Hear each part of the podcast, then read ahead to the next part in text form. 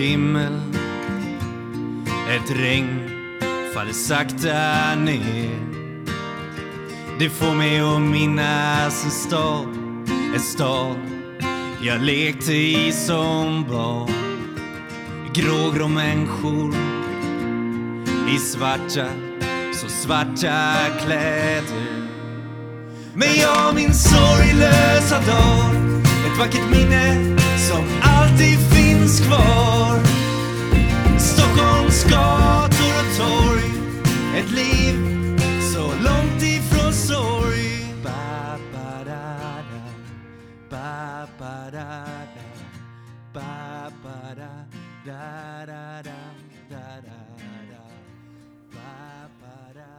Ja, hej och välkomna till Beroendepodden avsnitt 24. Mitt namn är Anneli. Eh, ja, välkommen hit till er som är här för första gången. Ni undrar säkert vad det här är för en podcast och det är en podcast om alla sorters beroende, missbruk, medberoende och psykisk ohälsa. Så det finns ju en hel del att prata om.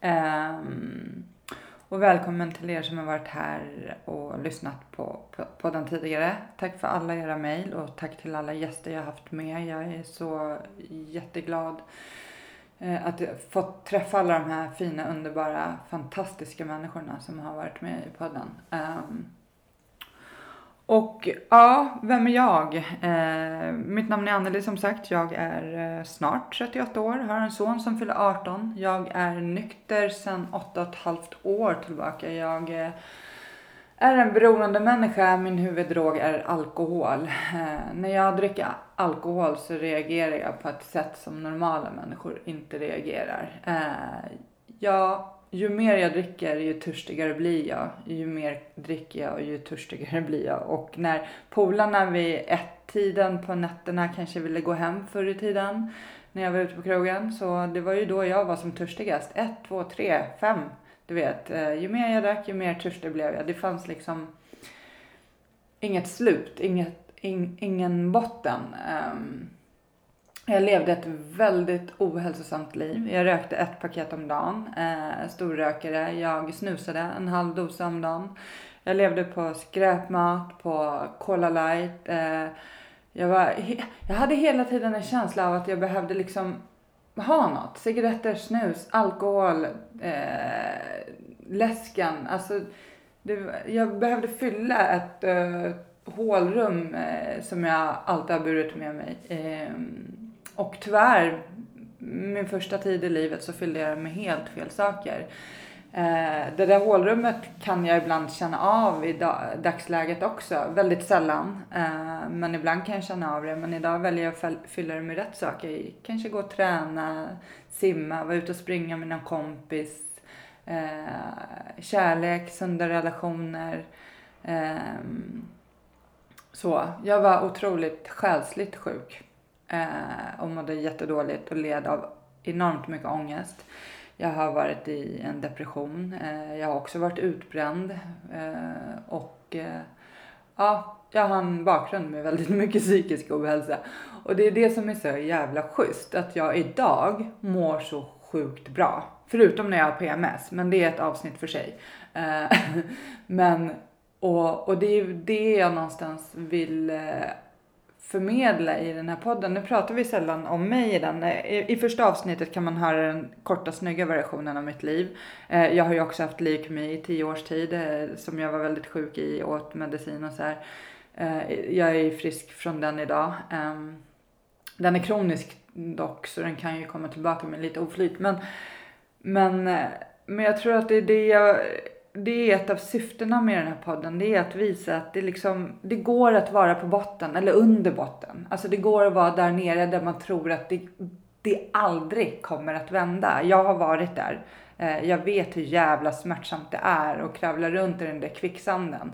Eh, och, och inte kunna andas. Och, eh, och idag så sitter jag här och mår så bra. Jag vaknar upp på morgonen och är glad. Jag lägger mig på kvällen utan ångest. Jag sover gott på natten. Jag behöver inte ha sömntabletter eller dricka massa vin för att kunna somna. Utan jag, jag sover. Jag bara, åh, mysig säng, nu sover jag. Alltså, livet är som natt och dag för mig idag mot vad det var förut. Eh, Sen så bara min fysiska hälsa, alltså min psykiska hälsa, den har ju vänt totalt från att eh, psykiskt må otroligt dåligt till att idag må otroligt bra. Eh, och även den fysiska. Jag, jag hade så otroligt dålig fysik så att jag i slutet på min eh, karriär, när jag både hade leukemi och var aktiv i min alkoholism, Alltså när jag klev ur badkaret på morgonen, jag brukar säga det till folk, berätta det. Alltså jag, eller på morgonen, när det nu var. Då började jag blöda näsblod. Jag höll på att svimma ofta, konstant yrsel, eh, sjuk, massa blåsor. Eh, alltså jag hade otroligt mycket fysiska symptom. Eh, jag kunde ju definitivt inte springa. Eh,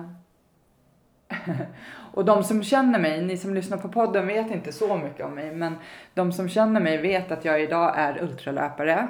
Eh, jag springer, min favoritdistans är 7-8 mil eh, långt, alltså dubbla maraton.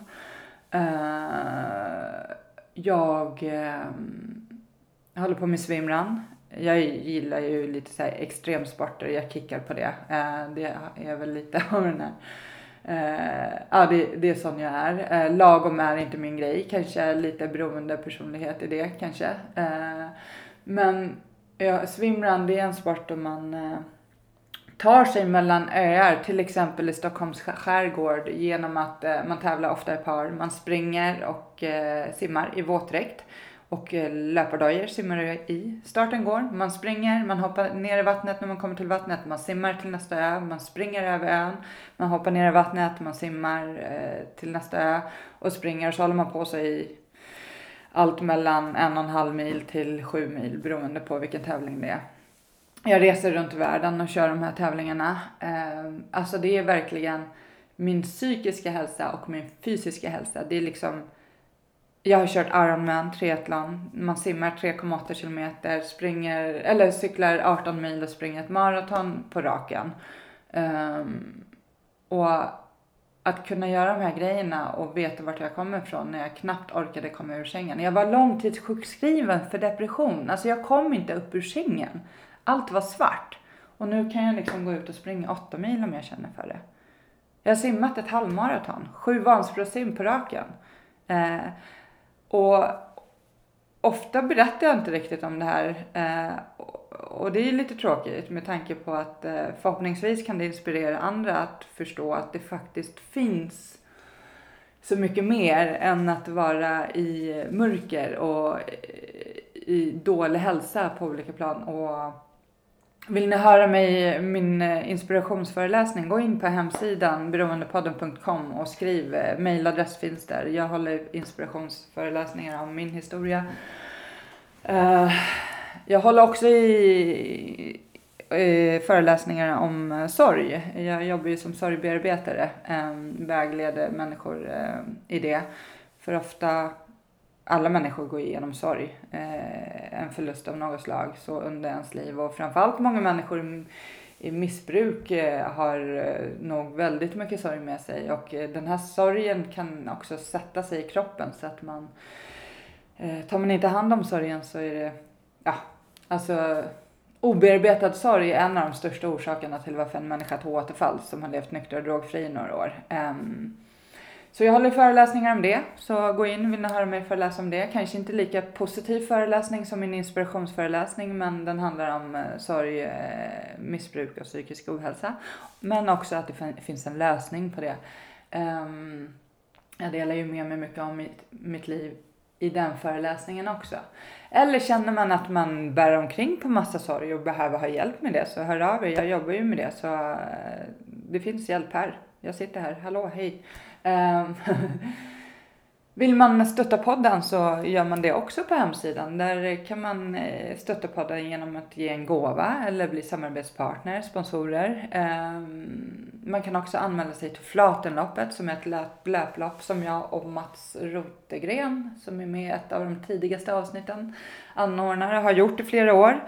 Och just där med varför vi har valt att ha det, ett löplopp, flatenloppet.com, eh, 16 september. Supermysigt, 5,8 kilometer. Man kan gå runt om man inte gillar att springa. Eh, men det är också för att vi vet hur viktig fysisk aktivitet kan vara för en psykisk, eh, psykiska mående. Eh, att bara komma ut och röra på sig, få lite D-vitaminer, att eh, få vara i naturen. Alltså sådana saker är superviktigt för, för ens välmående. Så, så vi, när vi hade varit nyktra och drogfria ett tag så kände vi så här, ah, men fan vi vill ge tillbaka till samhället. Hur kan vi göra det? Så satt vi och funderade och både han och jag älskar ju träning idag. Något som jag inte gjorde förr. Eh, så då blev det löplopp. Så. Eh, alla deltagare har möjlighet att vinna för man, eh, vi har massa fina priser och eh, man vinner på dragning på ens nummerlapp. Eh, går i mål, alla som eh, ställer upp och går i mål får självklart en medalj och vi brukar ha fina goodiebags också till alla som är med. Det är ett supermysigt lopp så kom och mingla med oss. Eh, mm. Och som sagt, under, på hemsidan så finns det en flik som heter Hjälp att få. Där eh, finns det massa länkar till olika ställen man kan vända sig om man har problem eh, med beroende eller medberoende och så.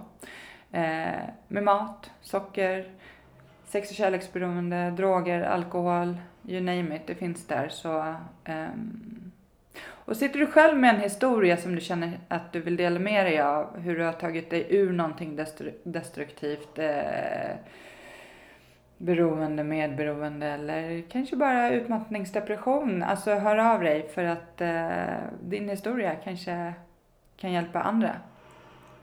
Ja, nej men jag tänkte att vi ska släppa in dagens gäst som är en superfantastisk människa, Danne. Han är, lever som tillfrisknande narkoman alkoholist och är inne på sitt fjärde år. Så jag tänker att vi, ja, lyssnar på honom nu. Dyster T-baneperrong Ett liv inrutat i betong Stäng ut det andra med musik Fokusera allt på att bli rik Här finns en dyster atmosfär Ett liv kretsat kring karriär Men jag min sorglösa dag Ett vackert minne som alltid finns kvar Ja, hej och välkommen hit Danne. Tack. Jätteglad att du vill vara med. Du, eh, jag har eh, känt dig lite grann, inte så jättenära men vi har sprungit på varandra i några år här och jag har följt din resa lite grann och nu sitter du här med mig i köket i Kärrtorp. Ja. Ja. Så eh, vill du börja med att berätta lite, vem, vem är du, vart kommer du ifrån? eh, Hur gammal är du? Du är... Jag heter Danne och jag är 30 år i år, för jag är 30. Mm. Jag är född 1987. Eh, jag har varit nykter och drogfri sedan 23 september 2013. Eh, jag är uppvuxen i en förort som heter Alby. Eh, och jag har uppväxt med min mamma. Min mamma och pappa separerade väldigt tidigt. Så. Eh, jag har en äldre syster som är nio år äldre än mig. Mm. Och jag eh, är uppvuxen i en dysfunktionell familj som det så fint kallas idag. Mm. Med min mamma som har eh, också beroendesjukdomen. Eh, och eh, min pappa som är nykter alkoholist idag. Mm. Så jag ska bara berätta om mitt liv eller? Mm. Kör på, jag Kör hjälper på. dig Ja. om du skulle. Eh, ja, okej. Jag är ju uppvuxen i Alby och uh, gan- alltså, ganska tidigt i livet liksom så det var ju väldigt stökigt hemma. Min morsa träffade, träffade olika män eller var tillsammans med en kille som behandlade henne väldigt, väldigt illa och skadade henne väldigt, väldigt mycket. Mm. Så, Eh, så jag är uppvuxen liksom med väldigt, väldigt mycket våld. Eh, psykisk misshandel. Eh, redan från tidig ålder liksom. Och när jag kom från, hem från skolan så visste jag aldrig riktigt hur det skulle vara. Vad man kom hem till. Så. Uh, någon gång när jag kom hem från skolan så var vårt vardagsrumsbord ute på gården. Och polisen lyfte ut min morsas snubbe ur lägenheten. Helt sönderslagen på lägenheten. Eh, och så där är jag uppväxt liksom med eh, väldigt otrygg miljö liksom. Och väldigt, alltså kär, kärlekslös uppväxt liksom. Så jag klandrar varken min mamma eller min pappa idag för den uppväxten jag har haft. Jag eh, skyller ingenting på dem för besluten och det som jag har gjort, alltså tagit idag. Så visst, jag hade kunnat haft bättre förutsättningar att växa upp i. Men eh, det vad det är. Då, alltså, idag när jag är nykter och drogfri själv så kan jag liksom så kan jag eh, se att de har gjort efter sin bästa förmåga och vad de tror är rätt liksom. Eh, och jag började också väldigt, väldigt tidigt eftersom att det var så mycket stök hemma. Och eh, någonstans så behövde jag få utlopp för de där grejerna liksom. Eh, så jag blev också väldigt tidigt väldigt aggressiv och väldigt, väldigt våldsam. Eh, och eh, skolan funkade egentligen inte så bra. Redan från första dagen liksom ville jag inte gå dit. Så. Eh, och alltså, skolan har aldrig varit min grej.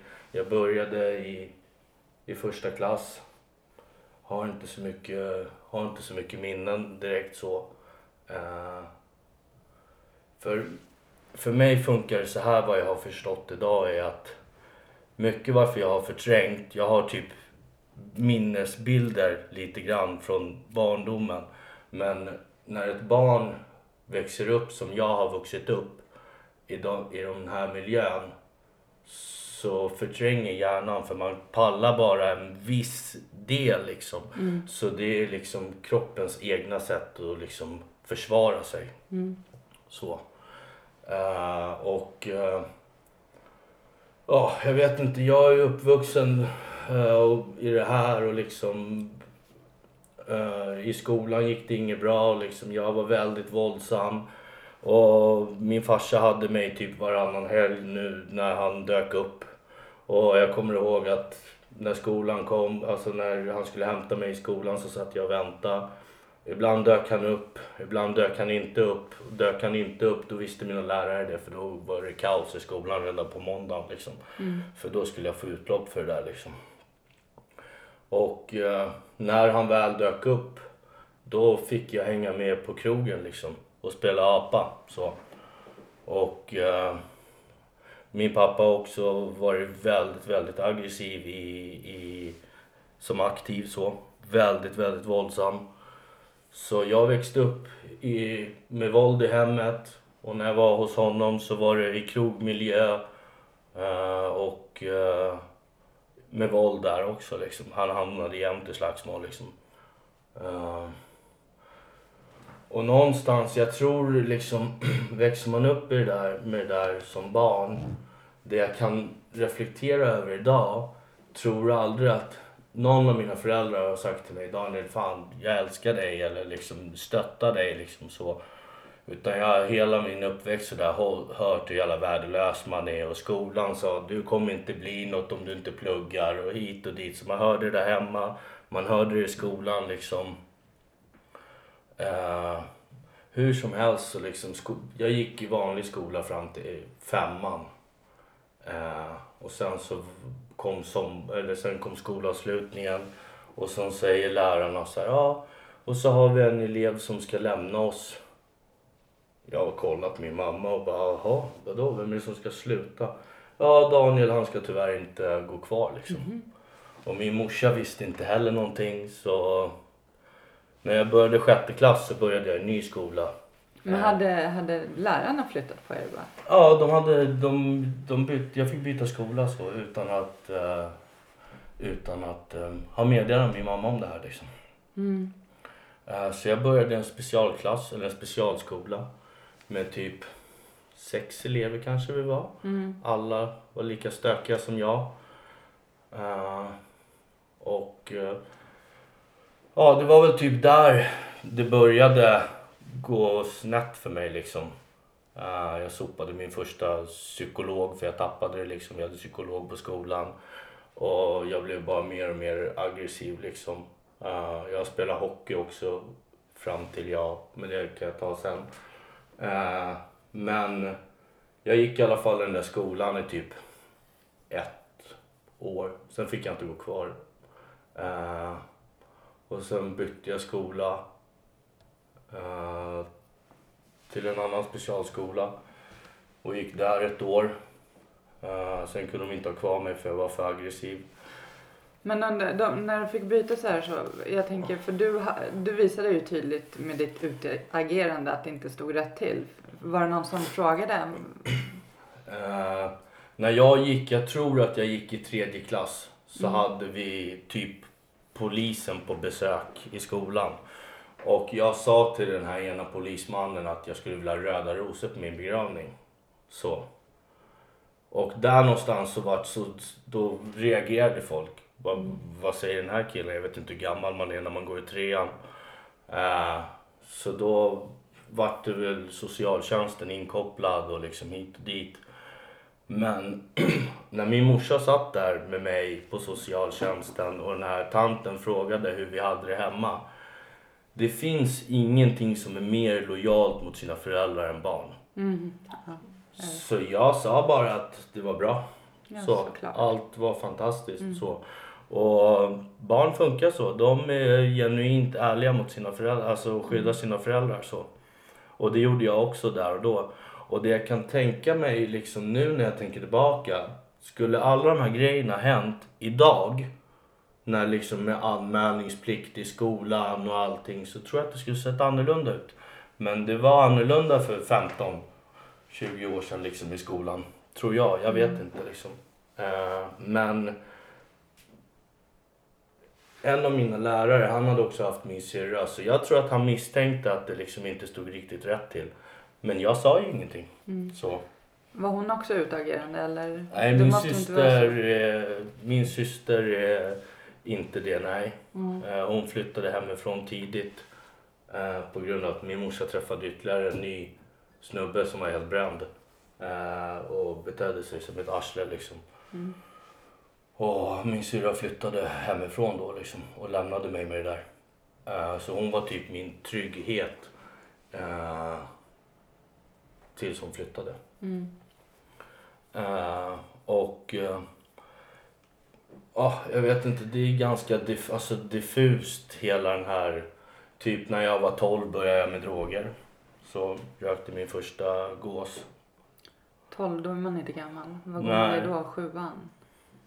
Ja, jag vet Ja. inte hur gammal. Men typ 12 började jag med droger. När jag var 13 så började jag sälja. Eh, och jag sålde mycket droger tidigt liksom. Så, och sen så ramlade jag in på den där, eller min brottsliga bana. Eller vad Mm. man ska kalla det liksom. Eh, och alltså jag, alltså jag började med kriminalitet långt innan jag började med drogerna. Så jag gjorde inbrott i skolan. Eh, vi snodde tv-apparater och liksom allt möjligt. Och sålde liksom.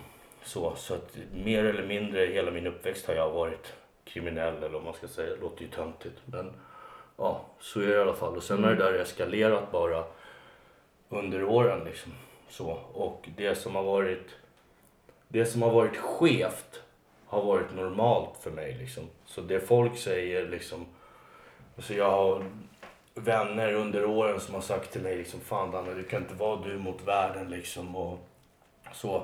Men jag har aldrig berättat liksom för alltså, folk som jag har umgåtts med eller liksom sådär om min barndom eller liksom sådär. Utan de här mer, mer personliga grejerna liksom.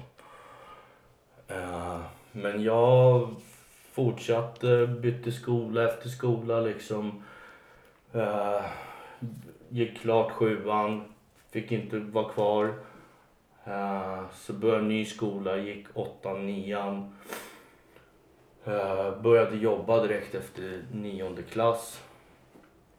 Eh, det var stökigt hemma liksom. Eh, och sen gick jag klart nian. Och sen började jag jobba. Och någonstans också typ nionde klass hittade jag liksom en kille i klassen som bör, brukade gå på matcher liksom. Mm. Eh, och började prata om, med mig om liksom om fotbollsvåld och liksom huliganism och sånt här och jag bara fan det där låter schysst alltså. Mm. Eh, eftersom att jag alltid har kickat på våld. Så jag har alltid liksom, eftersom att jag har haft det som jag haft det hemma så har alltid våldet legat nära till hands för det har gjort att jag har fått utlopp liksom. Mm. Eh, och eh, jag började gå lite på matcher och sådär och eh, fastnade typ direkt för det där. Jag tyckte det var så jävla schysst. Eh, fotbollen var väl kanske... För mig var det så. Jag vet att många säger så här, ja men det handlar bara om fotbollsvåld eller liksom hit och dit. Men jag gillade fotbollen. Men jag gillade våldet ännu mer liksom. Så.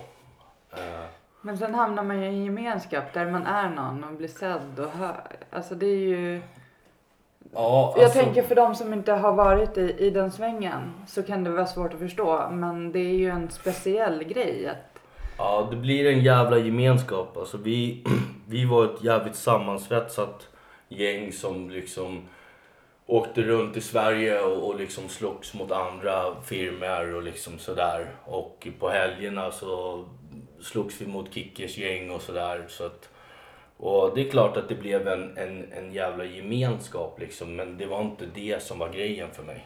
Så, jag har aldrig liksom jag har aldrig sökt någonting för liksom gemenskap eller så här. Men liksom i alla liksom kretsar som jag har hamnat har jag alltid känt mig typ utanför. För jag har alltid varit lite värre än alla andra liksom.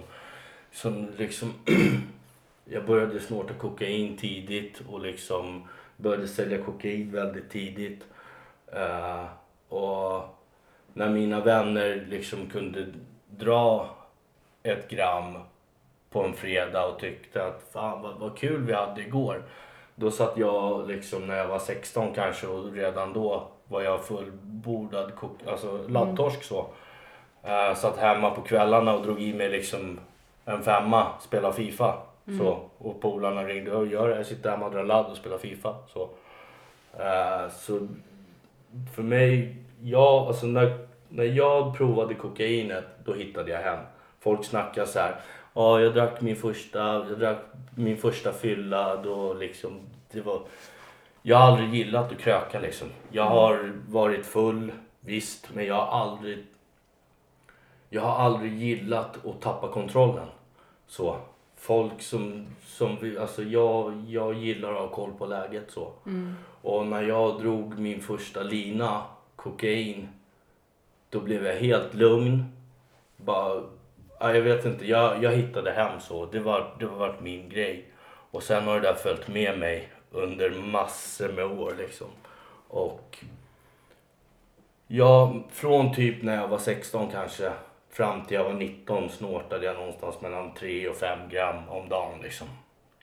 Fram till en dag då jag vaknade typ efter, jag sovit i typ två dygn och bara kände att uff, det här funkar inte längre liksom. Jag hade den där känslan att liksom, det är någonting som inte, inte, inte stämmer liksom. Så jag ringde till Maria Ungdom själv och bara tjena tjena. Daniel heter jag. Jag tror att jag kan ha problem med droger. Jag vet inte. Jaha, vad då då? Nej men jag har snortat nu liksom och jag har snortat mellan 3 och 5 gram kokain om dagen och har gjort det sedan jag var 16. Och det var helt tyst på andra sidan luren liksom. Och jag bara hallå? Hon bara hej, hej. Så liksom. Och sen på den vägen var det så. Jag, hon bara jag tror nog det är bäst att du kommer in hit liksom. Och jag la in mig själv så. Ringde till min morsa, berättade, jag ringde till min farsa, berättade liksom att ja, jag har lite problem så jag ska ta en paus liksom. Eh, så kom, Vad, vad sa, sa de då? då? Alltså min morsa, eller min farsa sa ja men jag har misstänkt det, typ så. Alltså jag, även när jag bodde hemma, jag har haft droger, haft massa pengar liksom så. Eh, och eh, min mamma önskade mig typ lycka till. Det var typ det hon gjorde. Eh, och eh, min farsa, jag tror att jag pratade in på hans telefonsvarare för att han svarade inte vid tillfället när jag ringde. Eh, men han kom senare när jag var på Maria och så frågade han mig rakt ut vad jag, vad jag, vad jag tog. Så. Och då sa jag, äh, men jag, jag snortar kokain liksom. Och då så sa väl han typ någonting i stil med att om du ändå ska hålla på kan du lika gärna börja skjuta i dig grejer så att liksom så. För att det där är väl ingenting att hålla på och larva sig med för ska du göra det så kan du lika gärna göra det ordentligt så. Eh, då han, ja, han har ju också hållit på med olika grejer liksom. Eh, men hur som helst så var jag väl där typ två veckor på Maria. Sen när jag kom hem så gick jag runt i cirklar i 45 minuter och så bara fan det saknas någonting. Så bara just det, jag har ingen kokain hemma. Så jag var clean kanske någon vecka liksom. Och sen så klev jag på tåget igen. Men du var där och avgiftade dig och sen så släppte de bara ut dig och bara klarade dig själv. In, Ja. Inte så här, nu kör vi, sätter Nej. in det här eller. Nej, ingenting sånt. Så jag var där. Sen så gick jag ut därifrån och sen så... Och där under den där tiden, det var ingen som snackade med mig om någon sjukdomsbegrepp eller liksom eh, att man gärna blir kidnappad när man börjar eller du vet. Det var, jag var typ där, avgiftades och svettades och skakades liksom. Så. Eh, men jag klev ut därifrån och sen så klev jag på grejerna igen liksom. Så. Och fortsatte mitt liv uh, I 500 kilometer i timmen.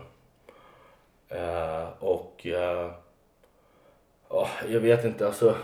Det är så stökigt liksom. Jag, alltså, det, är så, alltså, det har hänt, jag har gjort så mycket grejer och det har hänt så mycket grejer i mitt liv. Så jag känner att liksom oh, jag vet inte ens var jag ska börja någonstans eller hit och dit. Så att... Någon... Men, men vad hände när, när du slogs? När du var i de här fighterna så. Var det att du kunde bara stänga av? Att eller, du, liksom, vad var känslan? Alltså känslan när För jag... våld blir ju som en drog. Det har jag ju Ja. förstått att många har det som sin. För mig kände jag att jag levde. Om jag fick, jag, fick jag en smäll. Då kände jag att jag levde liksom. Och jag har liksom... När, när, när jag boxades liksom, jag sprang bara med huvudet rakt in. Så. Och det jag kan se idag är att jag tror att jag har haft någon dödslängtan liksom. Så för att jag har tagit mig till platser liksom och jag har hamnat på ställen och varit med om grejer som liksom jag tror att jag har haft någon dödslängtan. Så. Eh, för det är inte helt normalt att bara springa rakt in liksom med huvudet före. Många snackar om att ja, jag var rädd men jag var mer rädd liksom du vet den här gemensamma grejen.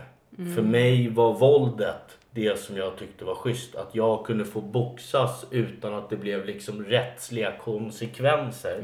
Som det blev i om jag hamnade i man mot man eller du vet krogslagsmål eller liksom de här grejerna. Då blev det ju liksom, då blev man ju gripen eller du vet någonting sånt.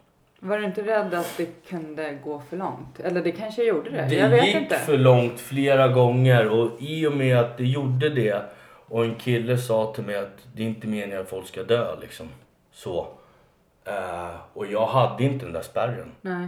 För liksom fotbollsvåld är ändå jävligt schysst där man liksom inte sparkar ner på liggande hit och dit bla bla bla liksom så. Men jag hade inte den spärren när jag klev över det. Så, så jag la av med fotbollsvåldet. Och fokuserade på andra, började fokusera på andra grejer. Så. Eh, och slutade gå på matcher och jag bara gick under jorden så.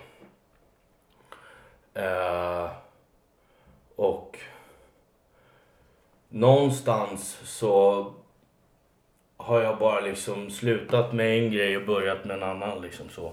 Jag hade en kort period, eller en, typ en tvåårsperiod där jag tyckte att jag var nykter och drogfri för jag tog ingen kokain på två år. Men jag gick på amfetamin varje dag i två år. Och sov typ var 14 dag. Så.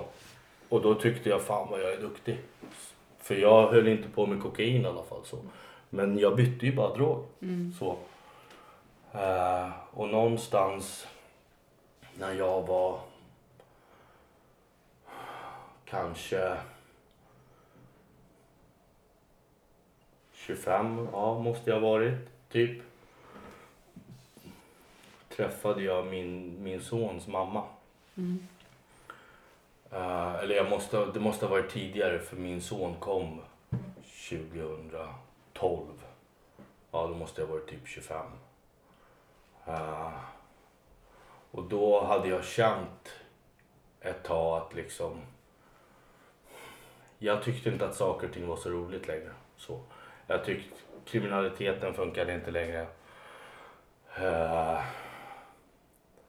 och liksom, jag hade varit på något möte. Men jag kunde inte, jag kunde inte identifiera mig. Möte? Möte, det är tolvstegs- tolvstegsprogram liksom.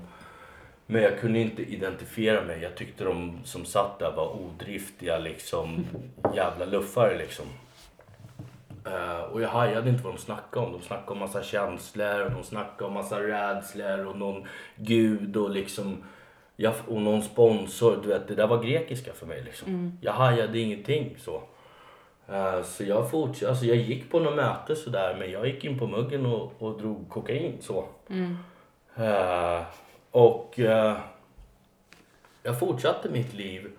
Eh, och sen kom min son eh, 2012. Och där någonstans, i och med att han kom, började det hända grejer i skallen på mig.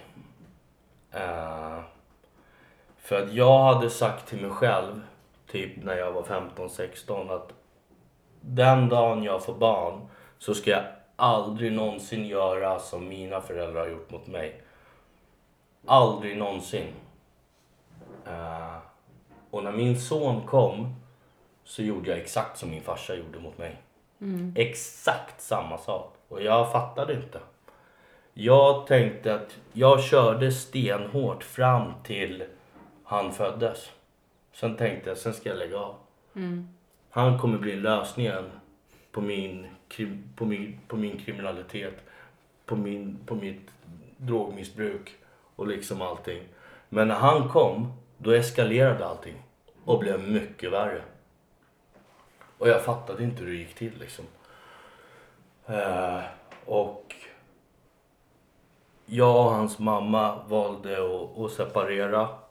Eh, eller hon lämnade mig för hon pallade inte, vilket jag fattar liksom. Hon hade ändå levt med mig i fem år och liksom vänt ut och in på sig själv.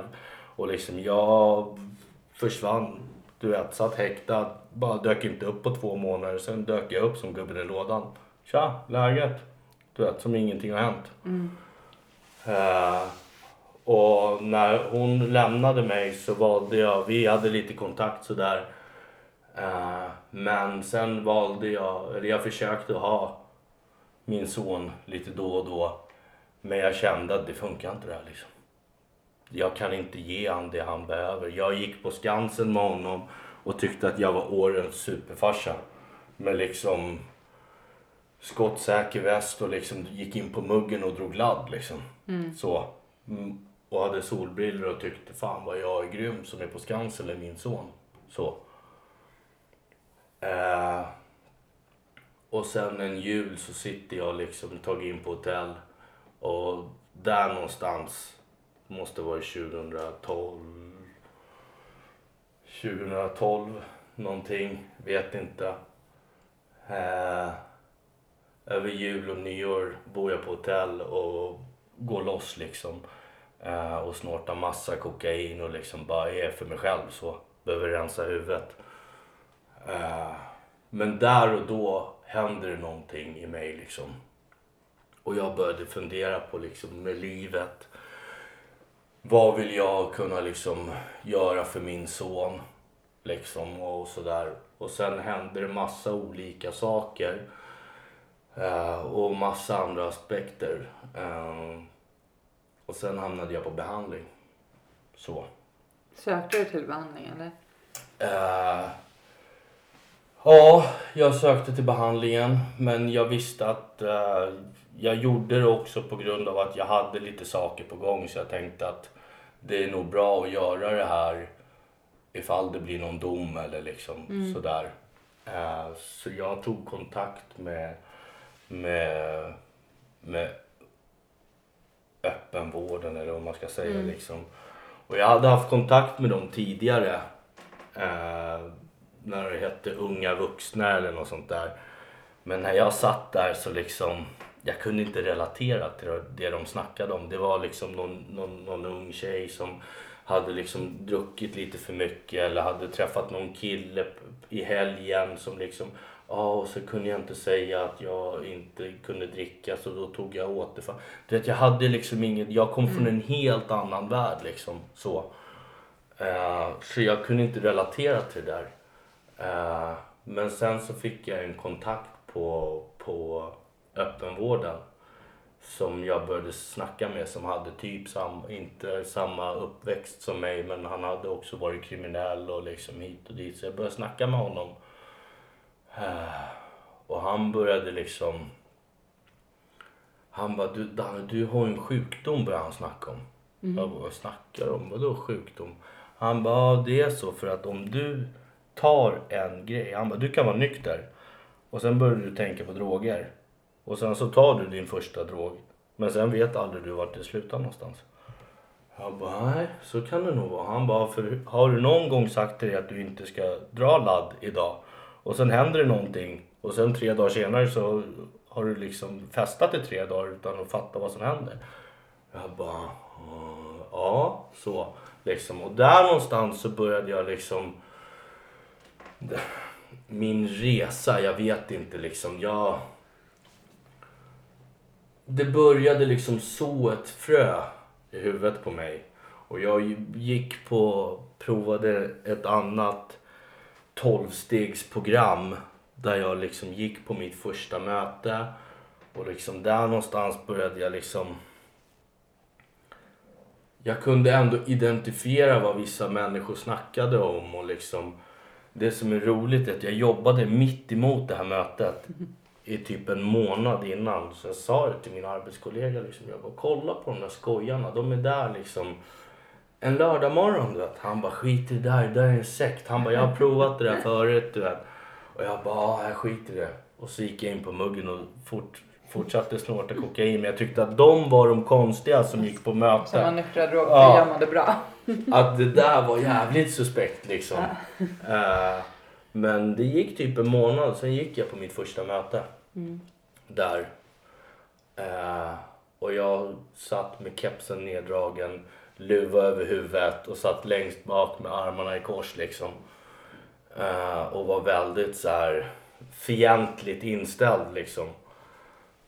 Men då kom det fram en kille till mig och sa att du har setat i mörkret för länge, kom fram och sitt här liksom. Och jag tyckte det var lite skum grej att säga så. Men ha- eh, där någonstans så liksom var jag på det där mötet så fick jag en sponsor. Eh, eller han kom fram till mig efter, han bara skulle följa med och fika. Jag bara ja det kan vi göra. Så frågade han mig, han bara har du någonting att göra idag? Jag bara nej egentligen inte, inget viktigt liksom. Han bara, följ med mig hem och börja jobba i stegen. Mm. Jag bara, jag undrar vad det här är för någonting tänkte jag. Undrar vad han har för baktankar liksom. Jag följde med han hem i alla fall. Och gjorde dem, gick igenom 1, 2, 3, 4, 5. Mm. Så, och han försökte förklara nu vet, för mig. Nu vet jag att många som lyssnar vet ju inte vad 12-stegsprogram är och de vet inte heller vad en sponsor är eller stegen. Men en sponsor är en människa som lever nykter och drogfri och hjälper en annan. Exakt. Och visar hur den har gjort. Och när, när, man säger 1, 2, 3, 4, 5 då betyder det att det är de här olika stegen man jobbar ja, med exakt. sig själv liksom. Exakt. På olika sätt. Man lär, sig, man lär känna sig själv ja. genom att jobba de här stegen. Mm. Precis. Och eh, han eh, försökte förklara det där för mig. Eh, men jag var så jävla sjuk så. Så att det är liksom, han försökte med olika liksom sätt och liksom vinkla och tredje steget och liksom tror du att det finns någonting större än dig själv? Och då var det så här, vad menar du liksom sådär? Han bara okej, ja men om du dör idag, tror du att solen kommer gå upp imorgon? "Ah, ja, men det kan jag väl kanske köpa liksom så. Eh, så det var på den nivån. Han fick liksom gå ner och liksom bryta ner och försöka förklara för mig. Sen åkte jag hem och sen kände jag nog sådär att jag har nog inte det här som de snackar om liksom. Den här sjukdomen. Jag har inte den här sjukdomen som de snackar om. Så jag var ute ett år till liksom. Och bara rev ner ännu mer så. Och fortsatte att snorta 5-10 gram om dagen liksom. Eh, och sprang på honom och han ringde mig då. Han bara jag skiter i liksom. Du behöver inte komma på möte så liksom. Han bara jag vill bara kolla att du lever och att du mår bra liksom. Jag var fan konstigt att han liksom så. Och vi hade lite kontakt och sen frågade han mig då och då. Inget tjat, ingenting och bara frågade om jag inte skulle komma på ett möte liksom. Jag bara, nej det där är nog ingenting för mig liksom. Och om jag nu väljer att komma tillbaka och gå på ett möte eh, För jag hade plockat vita brickor, det är någonting man får när man är på sitt första möte. Så, eller Som om en man, liten medalj. som en liten medalj liksom. Eller om man har tagit återfall så kan man få en vit medalj liksom för att man kommer tillbaka och så här. Och jag hade massa sådana där. Och jag tyckte att det blev patetiskt. Eh, Så jag sa det till honom att nästa gång jag kommer komma tillbaka då är jag färdig. Då kommer inte jag, då kommer inte jag ta några fler vita brickor. Han bara nej nej, okej. Så. Han hade väl säkert hört det massor av gånger tidigare liksom. Eh, men det hände massa grejer och jag hamnade på behandling. I alla fall. Så jag ringde honom när jag kom till behandlingshemmet, typ dag två. Tja man, jag ville bara säga att eh, nu är jag på behandling. Jag vet inte riktigt vad jag känner kring det här. Men skulle du kunna vilja sponsra mig igen liksom, genom de här stegen? Och någonstans där började min resa på riktigt. Där började jag fightas med mina demoner på riktigt. Eh, för jag var så less på liksom hela den här livsstilen med liksom kriminaliteten, drogerna liksom och allt vad det där medför liksom. Eh, Så jag ville liksom prova någonting annat för jag ville att min son skulle liksom få välja själv. Vill han bli liksom yrkeskriminell? Eller vill han liksom bli advokat, astronaut, städare, jobba på McDonalds? Jag ville att han skulle få välja själv vad han vill göra liksom. Inte som jag som liksom blev fostrad i den här miljön liksom. Eh, min farbror dog i den här sjukdomen. Min farsa har den här sjukdomen. Min morsa, du vet. Alltså min farmor, jag träff, eller min mormor, jag träff, du vet, det finns i släkten liksom. Och alla, det har bara gått i arv så. Så jag kände att jag måste göra någonting så. Och jag började liksom ringa min sponsor och han sa till mig att liksom du kan väl skicka tre saker som du är tacksam för varje dag. Sms. Sms. Jag bara, vadå tacksam för? Du vet, bara där liksom. Och du vet, han bara, ah, men det behöver inte vara några stora saker liksom. Så då började jag skriva liksom mat på bordet, slippa titta mig över axeln liksom och sådär. Basic grejer liksom. Och i det här så liksom ringer min telefon i ett liksom. Och bara folk vill ha tag på mig och hit och dit och liksom sådär. Och jag kände att fan jag är här nu. Så. Och jag liksom höll på att brottas med mig själv. Ska jag göra det här? Ska jag inte göra det här? Och jag var så jävla nojig för liksom jag visste vad jag hade. Men jag visste inte vad jag skulle få. Och det var den största rädslan för mig. Det var inte, alltså den här med, alltså hur sjukt den låter så den här misären och det här kaoset. Det var min trygghet. Det var det enda jag kände till liksom. Jag har vuxit upp med det här. Jag har liksom Alltså trasiga lägenheter och du vet, det är liksom, det är vardag för mig. Så, det är det enda jag känner till. Så, och när det sjuka blir normalt och man inte känner till någonting annat. Det är ganska illa liksom så. Och om man inte har sett eller känner till någonting annat sedan man är barn. Då är det liksom... Jag hade det jävligt tufft med mig själv liksom. Så. Och jag ringde till ja, min sponsor typ tio gånger om dagen. Så. Och till slut så tog jag ett beslut att okej, oavsett vad så ska jag ge det här två år av mitt liv. Och jag ska inte ta några genvägar. Jag ska inte liksom hamna in på kriminalitet. Jag ska inte liksom, jag ska bara, jag ska ge det här 100% ärligt ett försök. Och göra som min sponsor säger, som det här jävla tolvstegsprogrammet säger, som de här tröttmössorna på det här behandlingshemmet säger.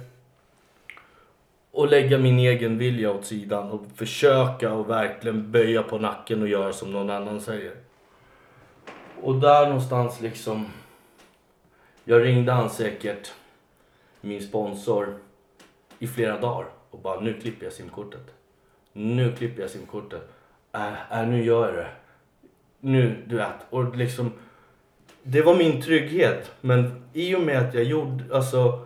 Jag ville inte ha några bakdörrar. För att hade jag inte gjort det, då vet jag att då hade jag inte kunnat gett det en ärlig chans. För då hade jag haft alla de här möjligheterna kvar.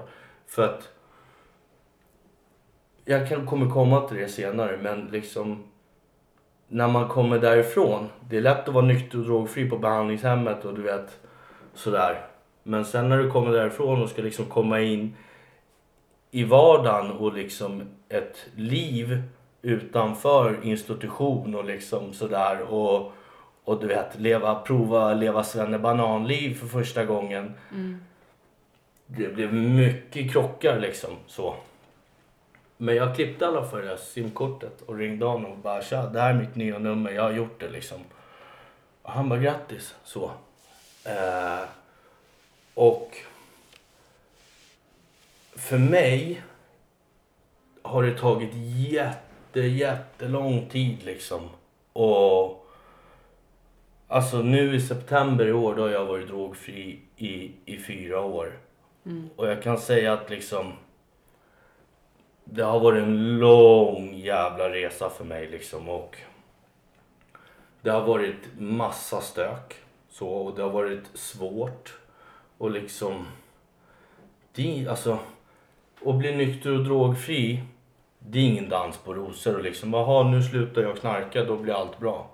Men alltså då, jag tog ju bara bort sy- symptomen. Sen ska jag liksom ställa mig i ledet och göra som någon annan säger till mig. Och jag ska börja liksom jobba 7 till 4. Och jag har en inkomst som ska räcka hela månaden och då har man betalat hyra på 6 500. Och du vet, eh, jag har haft så mycket problem eh, och försöka anpassa mig till det här livet med liksom någonstans också att tillfriskna som vi säger i, i 12-stegsprogrammet så kommer ansvar. Och ansvar när man har levt som jag har gjort utan jag gör det som passar mig och skiter i resten. Då blir det ganska, det blir ganska snabbt problematiskt så. Och sen att behöva bevisa för alla andra människor att liksom jag ska göra det här nu. Och, och att folk liksom idag så liksom jag är ju en pappa idag. Jag är ju liksom en anställd. Liksom, jag är ju, jag har liksom fått gemensam vårdnad över min son. Jag fick inte ens träffa min son. Jag fick kontakta advokat. Jag fick liksom hålla på och bråka för att ens få varannan helg. Så.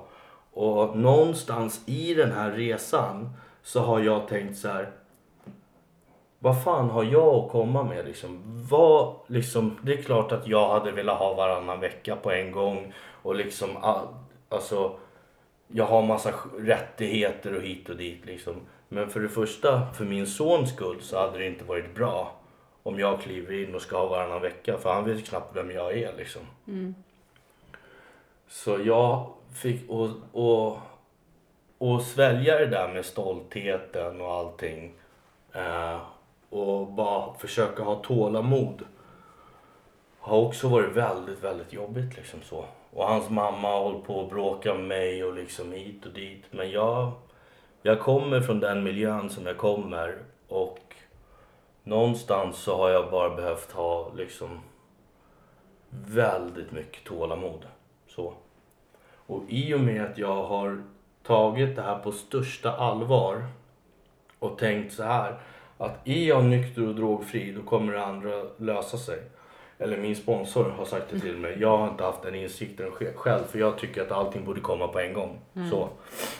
Men idag kan jag säga att liksom när jag sponsrar andra i programmet när folk kommer och frågar mig om jag kan vägleda dem genom de här stegen och frågar hur jag har gjort. Så liksom man måste göra fotarbetet och bevisa för andra människor att liksom jag vill det här. Och om jag bevisar för andra människor, om jag är nykter och drogfri, det är liksom grundingrediensen för allt det andra. Så gör man det hårda jobbet, alltså möten är jättebra. Det är superbra att folk väljer att gå på sitt första möte. Men det är inte mötena som kommer få en nykter och drogfri. Utan man måste ändra tankesätt, liksom hur man agerar och liksom det tar tid. För mig har det tagit jättelång tid att anpassa mig till det här svennebananlivet. Jag har haft jättesvårt. Så. Men det har också med att göra att jag har diagnos. Som har gjort att jag har det svårare. Ja, men för, för du berättade här innan vi tog på, äh, satte på inspelningen att efter tre år i nykterheten så gjorde du en eh, ADHD-utredning. Ja. Mm. Och jag har någonstans vetat hela mitt liv att det är någonting som inte står rätt till så. Jag har hört det av folk som säger du vet. Och jag har känt det också liksom så. Eh, och jag valde att kontakta jag valde att kontakta psyk, ja, psykiatrin är det ju liksom. Så först Som utredningar. Ja. Först kontaktade jag den här beroendeenheten för att kolla. Och de sa till mig att du har varit nykter och drogfri så länge så du är grattis. Du är en samhällsmedborgare idag liksom. Vi kan inte hjälpa dig. Och jag bara, jaha, jag en samhällsmedborgare? Så, ja men se det som, som en bra grej liksom. Du får, du får göra som alla andra, kontakta liksom öppet, alltså psykiatrin. Och jag eh, gjorde det. Eh, och eh, har gjort utredning, gjort massa tester. Jag har provat massa olika alternativ. Eh, och eh, det har inte heller varit helt enkelt så. Eh, men i och med att jag har varit nykter och drogfri så pass länge som jag har varit så, så känner jag att liksom, det, mitt liv funkar inte riktigt. Vissa människor har lättare diagnos, andra människor har värre. Liksom. Och min diagnos som jag har med ADHD och sen har jag en släng av annat också. Liksom, så, så gör det liksom att jag kan inte sitta still. Jag liksom kan inte lyssna på andra. Så, och eh, jag kan inte koncentrera mig liksom. Så. Eh, men eh, jag har fått olika verktyg och hjälp idag för att liksom underlätta mitt liv. så. Men jag tror till folk som kanske lyssnar som har diagnos är att det viktigaste det är att få lite tid att vara nykter och drogfri och landa. För jag har, jag känner massor med människor som inte, som har fått diagnosen men inte varit nyktra och drogfria tillräckligt länge. Så jag tänker att om man har lite tålamod och gör den här resan så tänker jag att grundingrediensen är att man måste vara nykter och drogfri en stund. Eh, för är man nykter och drogfri så för många människor så blir det bättre. Andra människor blir det inte det. Och då får man ta det därifrån liksom och prata med folk i sin omgivning. Kanske prata med sin läkare, psykolog eller vad det är nu man är. Och se vad det finns för olika behandlingsalternativ. Ja, Men både du och jag känner ju mycket folk och har sett under de här åren att det har blivit folk som har kommit och blivit nyktra som kanske har haft diagnos Mm. när de slutar missbruka. Ja. Eh, Så efter något år så har de ju kollat det igen och då har, då mm, har diagnosen försvunnit. Ja. Alltså det, ibland är det svårt att veta, är det beroende Ja. eh, beteendena eller är det liksom ADHD? Och på vissa så har det varit tvärtom. Ja. Och det är liksom, det där är jätteintressant. Jag fick nämligen, eh, några har skrivit och frågat om det liksom. Mm. erfarenheten jag har det är ju att många faktiskt har, eh, alltså så här, som jag känner har ADHD liksom Mm. när de i alla fall kommer Mm. Och blir nyktra och drogfria. Men sen är det ju bra just som du säger att ta något år, Mm. landa, se om det, det kan försvinna eller så kommer det och så får man göra en Ja. eller kommer, det har ju funnits hela Mm. tiden då. Självklart, det kommer ju inte hux flux utan du har ju haft det med dig jämt och, Ja. eh, och så valde du att göra en eh, eh, kolla upp det efter några år. Ja. Och du berättade så tydligt innan liksom hur, hur det kändes om du var ute och körde i 520 km i timmen och, Ja. Och också rakt in i väggen i princip. Liksom. För det är ju det, berätta. Alltså, jag, jag kom in i programmet och liksom muckade från behandlingshemmet och jobbade typ 300 timmar i Mm. månaden. Eh, jag tränade kampsport, eh, dubbelpass, typ sex pass i veckan. Mm. Så först thaiboxning, sen kickboxning. Eller kickboxning först, thaiboxning sen. Eh, och sen så jobbade jag liksom som en galning. Till slut så, så kom det en, eh, en måndag eh, då jag skulle ta mig upp i sängen. Det slutade med att jag stängde av telefonen och drog ner alla persienner. Och kom inte upp i sängen. Så. Och dag två, tror jag det var, kommer min tjej hem till mig och plingar på. Och jag pallar knappt komma upp i sängen. Och hon plingar och plingar och plingar. Och till slut så pallar jag mig upp i sängen och hon står där och grinar och frågar vad, vad jag håller på med. Så. Och jag bara, vad håller du på med? Lämna mig i fred liksom. Och jag hade typ inte duschat på två dagar. Legat i sängen i typ fosterställning. Eh, och det är också säkert en konsekvens av att jag har kört på i 500 kilometer i, i timmen i hela mitt liv. Liksom. Så, och aldrig stannat upp och bearbetat saker och ting som har hänt. Så, eh, det är så roligt för att han, te- terapeuten som jag hade, han sa att ungefär vid två års nykterhet så finns det en risk att du kommer gå in i väggen Danne. Killar som dig brukar göra det. Så. Och han hade ju rätt. Så. Och jag fnös åt honom när han sa det. Pff, Utbränd, ja. Vet du vem jag är eller? Så. Eh, men när min tjej kom dit. Hon kom dit hem till mig varje morgon. Och öppnade dörren. Det första hon gjorde var att dra upp alla persienner. Och sen sparka upp mig i sängen och putta in mig i duschen. I två veckors tid liksom. För att jag ens skulle komma upp i sängen. Och liksom ta mig ur det där mönstret. Och det har också varit liksom... Jag, är, jag funkar ju så. Eh, jag kör 200 kilometer i timmen. Så genom livet. Jag har gjort massa bra saker också. Men också där, jag stannar aldrig upp. Klappar mig själv på axeln, fan bra jobbat liksom. Så. Utan jag bara, jag bara kör på. Så. Och har man lite den problematiken då är ju risken ganska stor att man kör slut på sig själv. Så, med folk som har ADHD eller liksom någon form av diagnos liksom. Och det där drivet, det är jävligt bra liksom.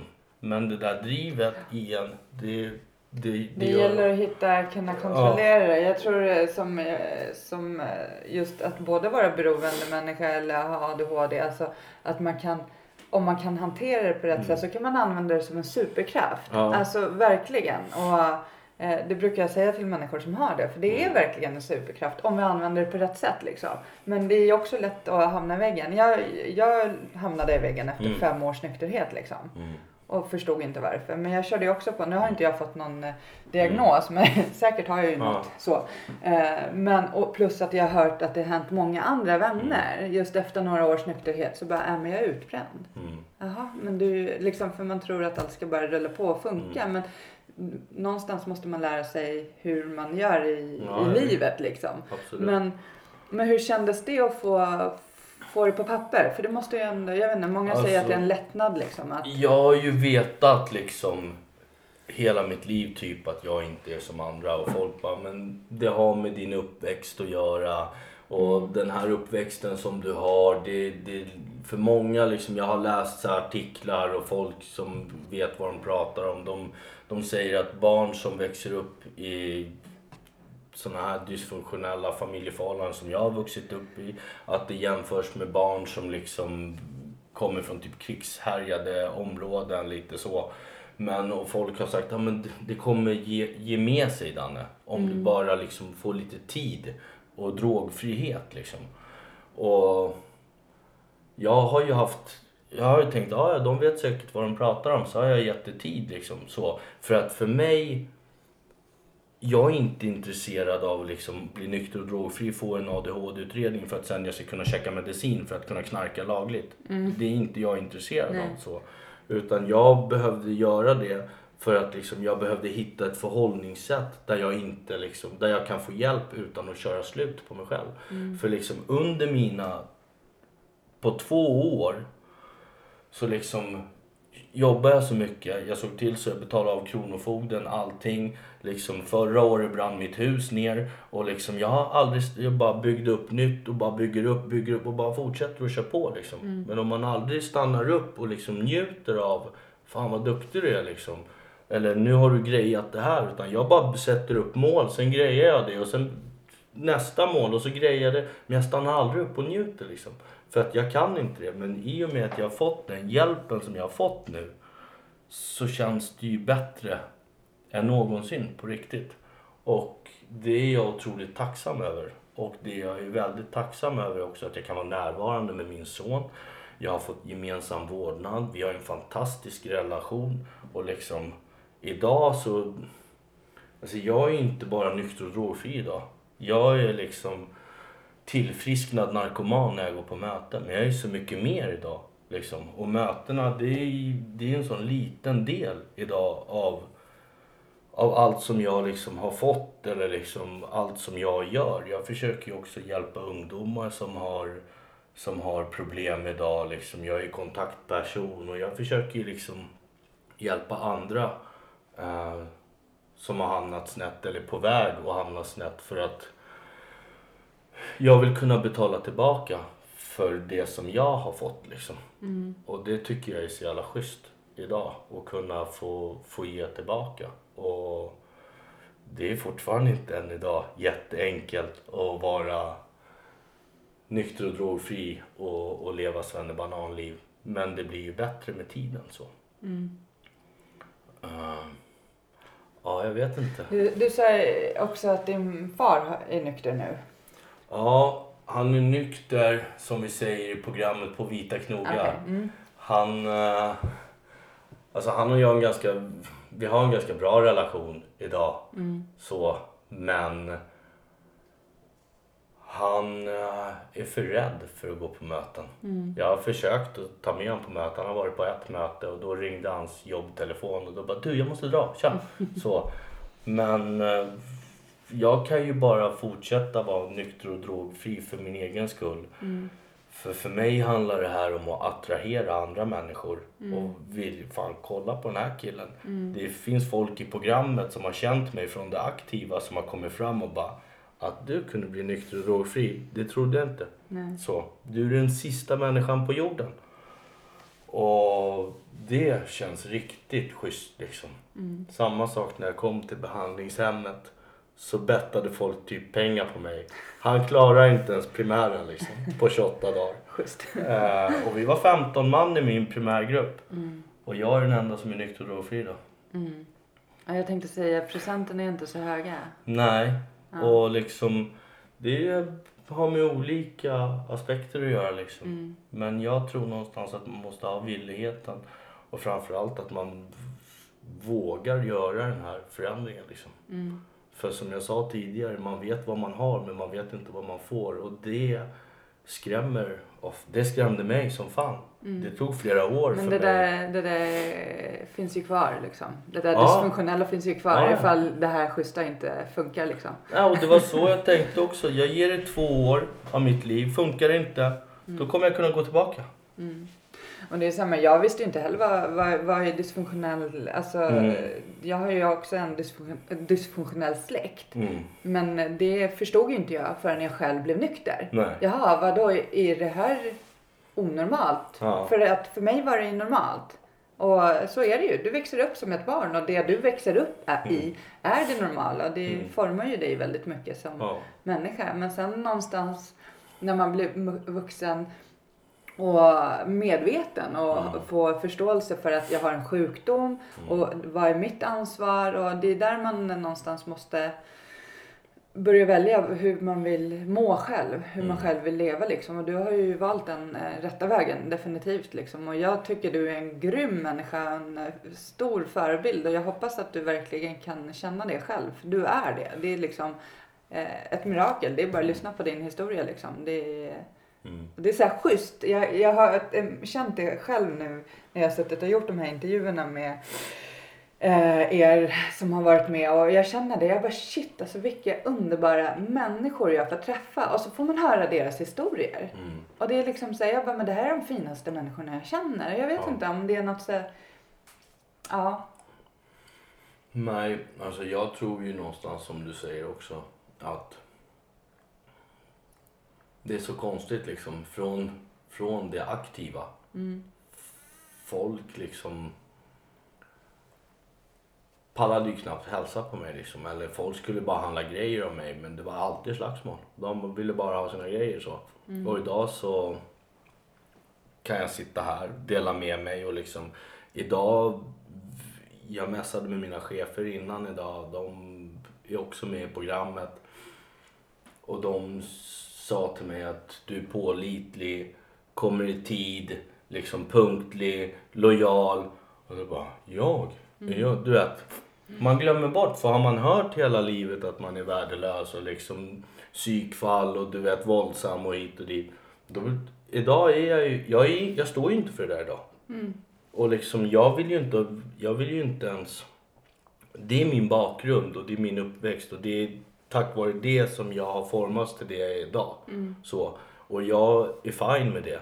Men jag står ju inte för någonting av det där idag liksom. Och eh, det är så fint när folk säger det för att jag blir så här, jaha, pratar ni om mig? Eller vadå, är det någon annan kille? Jag har så svårt att ta till mig det fortfarande, än Ja. idag. Men jag tränar på det och när folk säger fina saker så försöker jag säga tack bara. Men ja, det är inte alltid helt enkelt. Ja. Ja, nej det kommer. Ja, med tiden. Ja. Men du, jättetack för att du kom. Vi ska avsluta men jag tänkte om det är något du känner att du vill säga. Ehm, sista. Tack för att jag fick komma. Eh, och så hoppas jag att jag var lite skeptisk till att tala så. Eh, men kan jag hjälpa en person med min story, då har jag lyckats med det. Finns det någon där ute som känner att liksom de känner igen sig eller på något sätt att de kan bli hjälpa, hjälpta eller liksom så. Då har jag lyckats med varför jag sitter här idag. Och så är det varje gång jag talar. Jag tackar ja och så känner jag så här, nej men det här vill inte jag. Vad fan håller jag på med? Men sen påminner jag mig, kan jag hjälpa en, en enda människa där ute som kanske känner igen sig eller någonting. Då har jag lyckats med det som jag vill. Det är det det här programmet handlar om. Mm. Och det är det den här podden handlar om. Och det Ja. vi gör, det du gör idag, Ja. Räddar faktiskt liv. Det vet jag. Jag har fått mejlen. Jag vet att det funkar. Så eh, jättetack för att du kom och delade med dig. Tack snälla.